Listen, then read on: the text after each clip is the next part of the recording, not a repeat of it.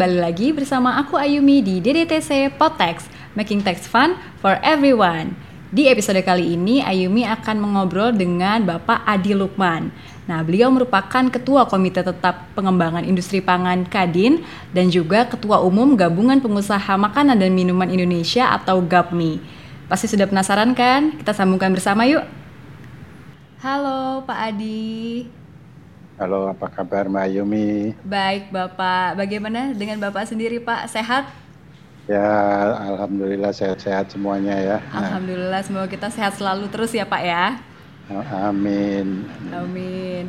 Bapak kalau Amy boleh tahu, Bapak sedang berada di kantor atau di rumah nih Pak? Saya kebetulan hari ini di rumah gantian, jadi kadang ke kantor, kadang ke rumah. Ya inilah new normal Nah, Bapak kalau iya kalau boleh tahu kesibukan uh, sehari-hari selain profesi apa nih, Pak? Saya tent eh, tentunya memimpin perusahaan industri pangan ya. Uh, selain itu kan sebagai ketua umum kami dan di Kadin saya sebagai ketua komite tetap pengembangan industri pangan.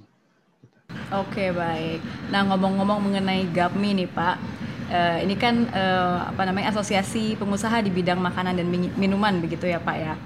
Ya, nah, Uh, kalau aku baca di uh, BPS Pak survei BPS terkait dengan dampak ya. dampak COVID-19 terhadap pelaku usaha, ya. ini kan uh, sektor akomodasi dan makan minum itu merupakan sektor yang paling terdampak ya Pak ya. Kalau baca itu sekitar 92,47 persen itu uh, terdampak ya. uh, dari pandemi COVID-19. Nah sebenarnya bagaimana Benar. sih Pak kondisi real pelaku usaha khususnya di bidang makanan dan minuman ya saat ini? Ya, ya. Oke, kalau kita bicara makanan minuman tentunya kita harus bedakan antara uh, industri dan uh, industri pangan olahan ya, pabrik dan juga makanan minuman yang di luar industri seperti hotel, restoran, kafe dan industri rumah tangga, catering dan lain sebagainya. Jadi kebetulan kami membawai industri pangan olahan berupa pabrik-pabrik industri makanan dan minuman. Nah, yang memang paling terdampak parah itu di restoran, kafe, seperti uh, catering seperti itu itu sangat parah dampaknya karena memang itu berdampak langsung akibat PSBB dan penghentian kegiatan-kegiatan. Tapi kalau industri makanan minuman sendiri kita masih bisa tumbuh positif Kebetulan di Q1 kemarin kita masih tumbuh 3,9 persen. Di Q2 meskipun ekonomi minus 5,3 kita masih bisa tumbuh 0,22 persen. Tapi sebetulnya ini anomali. Karena apa? Karena sebenarnya di Q2 itu harusnya puncak-puncak pertumbuhan industri makanan minuman pada saat puasa dan lebaran. Jadi masa panen lah bagi industri makanan minuman. Nah, tapi ternyata tahun ini masa yang terjelek justru. Oke. Nah, Dibandingkan tahun itu kemarin itu penurunannya berapa kemarin, persen, Pak? Tahun lalu kita pertumbuhan 7,95 persen. Okay. Ya bisa dibayangkan tahun ini eh, Q2 hanya 0,22 persen, jadi sangat terdampak sekali. Nah, kita tertolong memang ada beberapa kategori pangan yang permintaannya cukup tinggi seperti misalnya eh, kategori susu ya, eh, susu, pangan-pangan fungsional, termasuk jamu-jamuan ya. Kemudian Oke, yang kaya nutrisi ya Pak ya? Eh, kaleng ya makanan kaleng makanan instan itu kebetulan sangat ter, uh, masih pertumbuhannya masih bagus dan full capacity gitu. Jadi ini banyak yang terdampak gitu. Oke baik nah uh, kalau dilihat dari kondisi uh, tersebut Pak berarti kan tetap uh, ada pelemahan begitu ya Pak ya baik da ya, uh, ya. dari industri makanan dan minuman maupun juga yang di bidang akomodasi ya makanan dan, dan minumannya apalagi ya, itu lebih parah ya. ya Pak ya. Nah sebenarnya kebijakan ya, seperti benar. apa Pak yang paling dibutuhkan saat ini? Jadi kalau kita lihat ada dua sisi uh, supply side dan demand side. Kalau supply side saya kira tidak masalah karena ternyata industri kita masih bisa bekerja ya dengan izin dari pemerintah dari Kementerian Perindustrian kita tetap diperbolehkan untuk operasional meskipun pada waktu itu PSBB ya dengan izin operasional untuk uh, kegiatan industri ya uh, dan yang paling parah sebetulnya masalah utama adalah di demand side karena ada okay. dua hal untuk yang kelas menengah bawah itu mm -hmm. akibat uh, daya beli mereka yang sangat rendah sekali karena mereka kehilangan penghasilan. Banyak masyarakat kita yang menengah bawah kehilangan penghasilan karena kegiatan akibat uh, eh, PSBB akibat pandemi COVID ini. Okay. Yang menengah atas ini sebenarnya mereka punya uang, tapi pada saat awal-awal uh, pandemi ini shock terjadi uh, kaget. Sehingga mereka belum siap dan bahkan ketakutan untuk belanja, ketakutan untuk keluar, ketakutan untuk kegiatan-kegiatan. Sehingga uangnya ditabung saja jadi in, ini sehingga kalau kita lihat tabungan simpanan itu di perbankan meningkatnya cukup luar biasa ya. Nah, tapi dengan mas, dengan adanya adaptasi baru yang sudah berjalan beberapa bulan, akhirnya kelas menengah atas ini sudah mulai menyadari new normal sehingga mereka mulai berani memulai kegiatan-kegiatan dengan belanja dan lain sebagainya. Nah, ini yang sedikit menolong sehingga kita lihat pada Q2 itu yang terendah dan kemudian hmm. masuk ke Juni Juni Juli Agustus itu kelihatan uh, industri makanan minuman sudah mulai membaik sudah mulai membaik Oke, membaik dan, trennya Pak ya trennya membaik dan bahkan kalau PMI indeksnya sudah mendekati 50 gitu ya. Normal memang oh, antara iya, 50 60 ya. Kita sudah 48 di Juli dan ini eh, mudah-mudahan bisa terus meningkat seperti itu. Nah nah kalau kita lihat demand side nah kebetulan mulai eh, Agustus September itu pemerintah kan juga ada bantuan ya bantuan insentif untuk pekerja yang di bawah 5 juta dapat eh, 600 ribu. Kemudian eh, UMKM industri dapat dua setengah juta ada BLT tunai kemudian ada kemudian kemudian kartu prakerja dan lain sebagainya. Ini mendorong uh, sedikit demi sedikit uh, daya beli masyarakat kelas menengah bawah mulai terangkat lagi ya dan dan di September dengan adanya PSBB kembali di DKI itu kelihatannya tidak uh, pertumbuhannya agak flat lagi gitu. Jadi ternyata PSBB itu dampaknya luar biasa bagi industri makanan dan minuman. Dan mulai flat. Nah, ke, nah ini kita bersyukur sudah mulai dibuka lagi. Nah ini mudah-mudahan uh, di Oktober ini sudah mulai bisa membaik lagi dan saya optimis sampai akhir 2020 masih bisa positif seperti itu. Nah, berbicara mengenai ya. kemudahan begitu ya Pak yang diberikan ya. oleh pemerintah. Ini kan juga pada 5 ya. Oktober yang lalu itu kan telah disahkan juga ya Pak ya, ya dari yang tadinya RUU ya. menjadi sebuah undang-undang ya. Cipta Kerja ya. atau Omnibus ya. Law. Benar, benar. Nah, berdasarkan pernyataan dari uh, Presiden Republik Indonesia Bapak Joko Widodo, ini kan undang-undang ini memiliki dua tujuan utama ya Pak ya. Yang pertama untuk uh, menyediakan lapangan kerja sebanyak-banyaknya, lalu yang kedua adalah untuk Betul, untuk memudahkan masyarakat khususnya usaha kecil atau mikro kecil untuk membuka usaha baru. Nah, terkait dengan uh, respon atau uh, apa ya namanya usaha pemerintah tersebut, bagaimana pandangan Bapak Pak sebagai mungkin uh, representasi dari pelaku usaha ya Pak? Ya, oke. Okay. Saya memang uh, mengapresiasi ini langkah yang cukup bagus dan berani yang dilakukan oleh pemerintah dan ini saya yakin akan bagus bagi Indonesia karena sebenarnya yang disayangkan adalah banyak orang melakukan protes, tapi sebenarnya mereka belum tahu isinya seperti apa. Padahal di dalam Undang-Undang Cipta Kerja ini banyak sekali hal-hal positif yang di, dimasukkan di dalam undang-undang ini untuk mengakomodasi. Salah satunya hmm. misalnya terhadap uh, pelaku UMKM misalnya. Itu banyak sekali kemudahan-kemudahan termasuk untuk akses uh, modal kerja, kemudian pendirian perusahaan kecil, ya kemudian juga misalnya di industri pangan itu terkait erat dengan halal misalnya, sertifikasi ya. halal.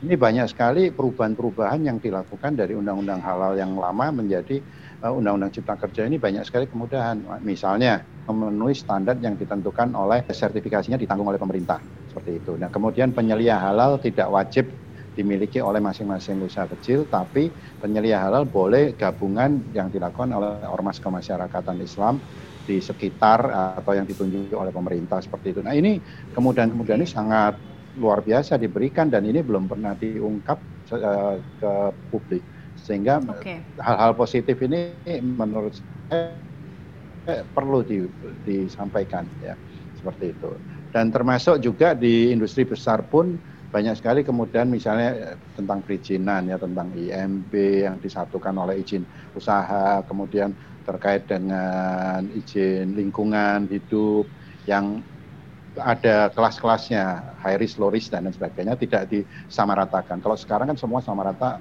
sehingga padahal yang low risk ini kan tentunya risiko rendah ini kan sebenarnya tidak berdampak negatif terhadap lingkungan. Nah, hal, demikian harus kita harapkan nanti di dalam PP bisa diakomodasi sehingga okay uh, bisa mempermudah orang mau berinvestasi tidak ketakutan. Sekarang ini sedikit-sedikit dikaitkan dengan lingkungan hidup, lingkungan hidup sehingga orang okay. uh, eh, enggan untuk berinvestasi seperti itu.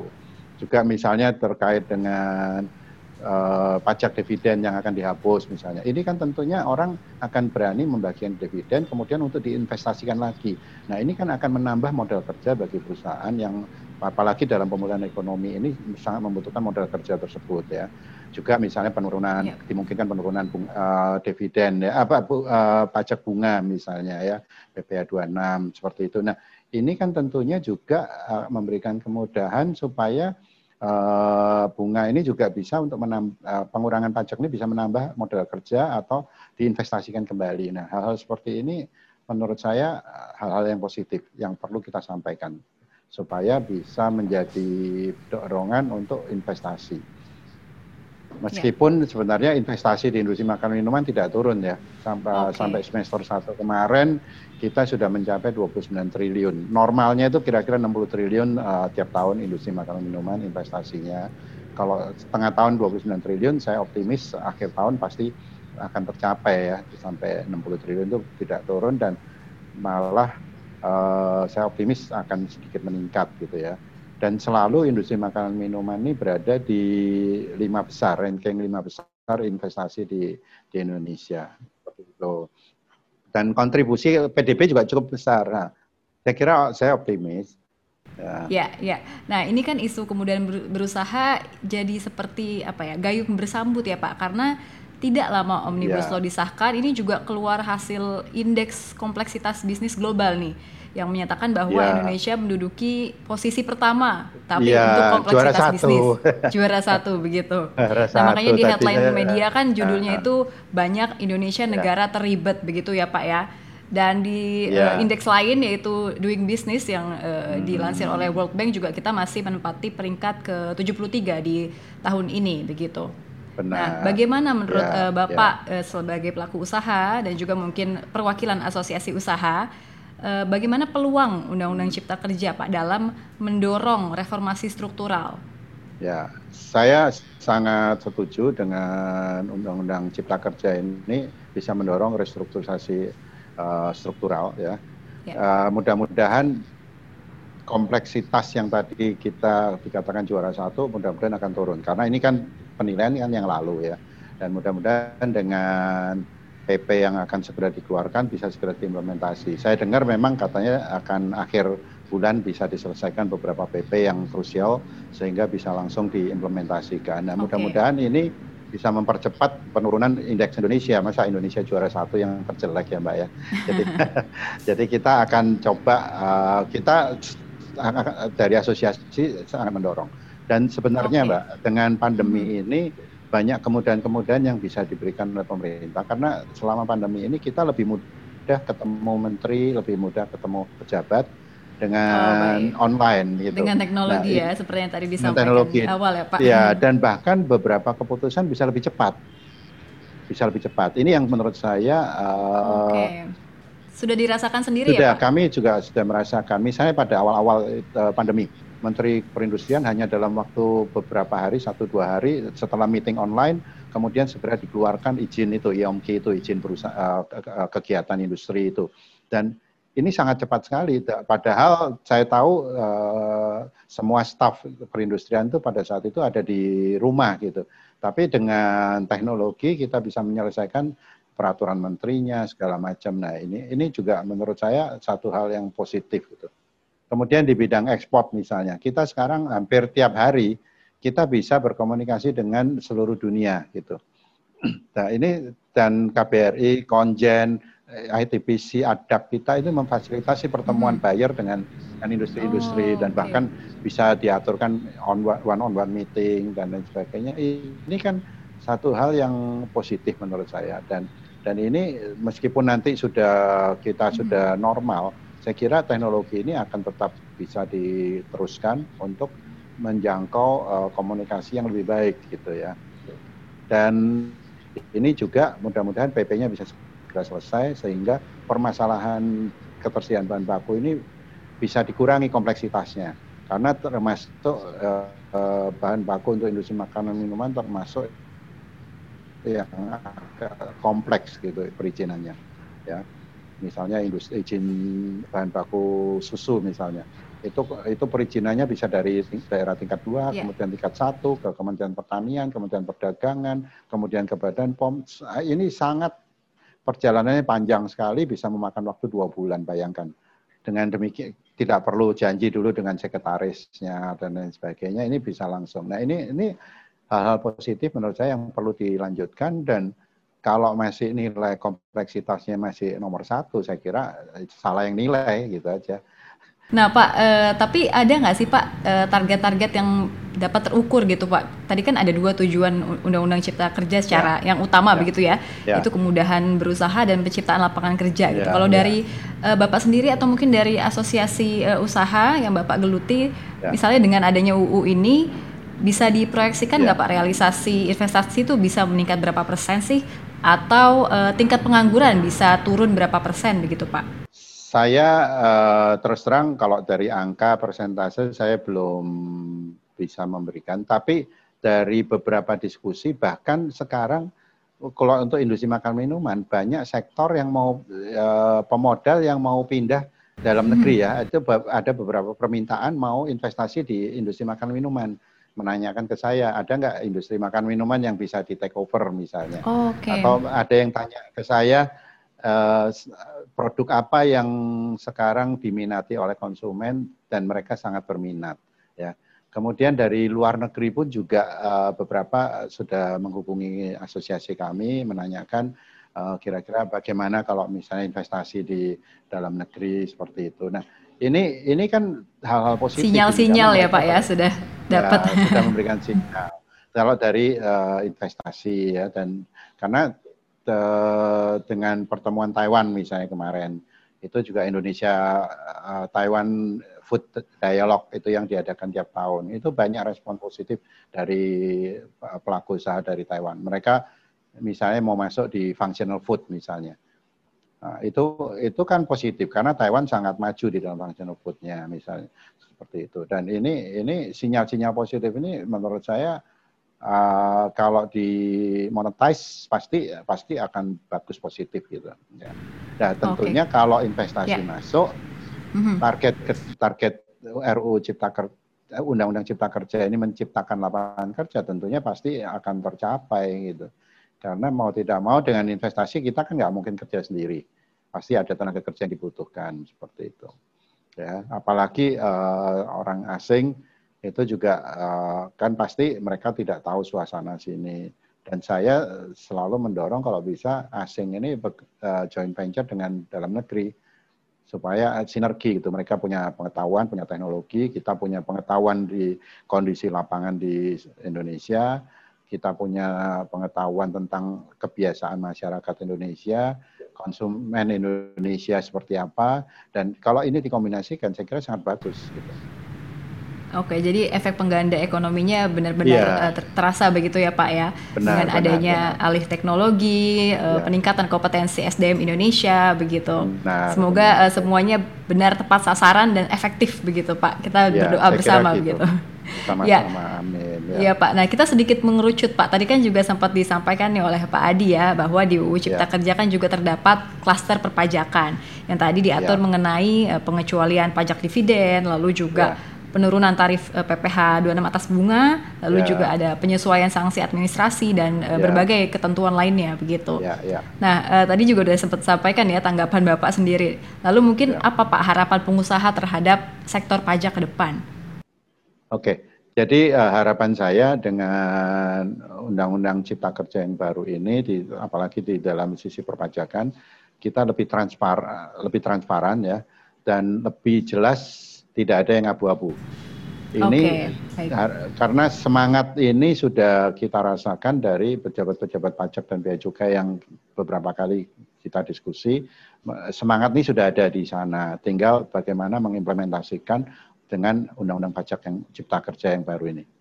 Baik, baik. Uh, yang ini terakhir nih Pak, uh, mungkin ya. ada catatan dari Pak Adi atau uh, representasi dari pelaku usaha dan asosiasi pelaku usaha bagi langkah tindak lanjut atau langkah ke depan dari pemerintah agar Undang-Undang Cipta Kerja ini dapat dilaksanakan secara efektif dan juga tepat sasaran. Tadi juga Pak Adi sudah menyebutkan ya. mengenai PP begitu ya. Selain itu ya, mungkin ya. ada lagi Pak Adi? Ya, pertama pasti kita harap PP segera ya dan melibatkan pelaku usaha dan asosiasi untuk uh, mendapatkan masukan supaya bisa benar-benar diimplementasikan ya. Kemudian kedua kami berharap program pemulihan ekonomi nasional ini bisa dilanjutkan sampai tahun depan. Karena okay. dampak COVID-19 ini tidak hanya sampai 2020 tapi akan panjang okay, yang uh, ini bisa segera.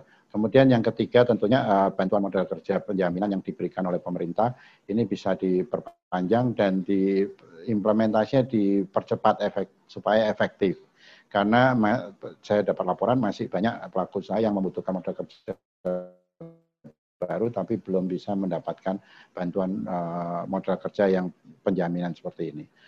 Saya kira ini dan terakhir tentunya uh, hubungan dunia usaha, pemerintah dan juga para pekerja ini bisa lebih kompak supaya kita hanya memikirkan bagaimana membuat Indonesia ini lebih maju. Sinergi dan kolaborasi hubungan tripartit begitu Pak? Baik, ya, ya baik. benar. Ya, terima kasih Betul. banyak Pak Adi sudah eh, berbagi bersama DDTC Baik. Potex. Sehat selalu Pak dan ya. selamat beraktivitas kembali Amin. Pak Adi. Sama-sama. Ya, sama-sama. Ya, terima ya, kasih. Mbak. Nah, gimana nih teman-teman diskusi kita hari ini? Semoga bisa menambahkan insight dan juga informasi ya untuk teman-teman semua. Nah, bagi kalian semua yang ingin mengetahui berita seputar perpajakan terupdate dan teraktual, jangan lupa untuk lihat terus di DDTC News dan juga sosial media DDTC lainnya. Terima kasih banyak. Jangan lupa untuk terus patuhi protokol kesehatan seperti halnya rajin cuci tangan, tetap jaga jarak, dan juga menggunakan masker. Ayumi pamit. Ciao.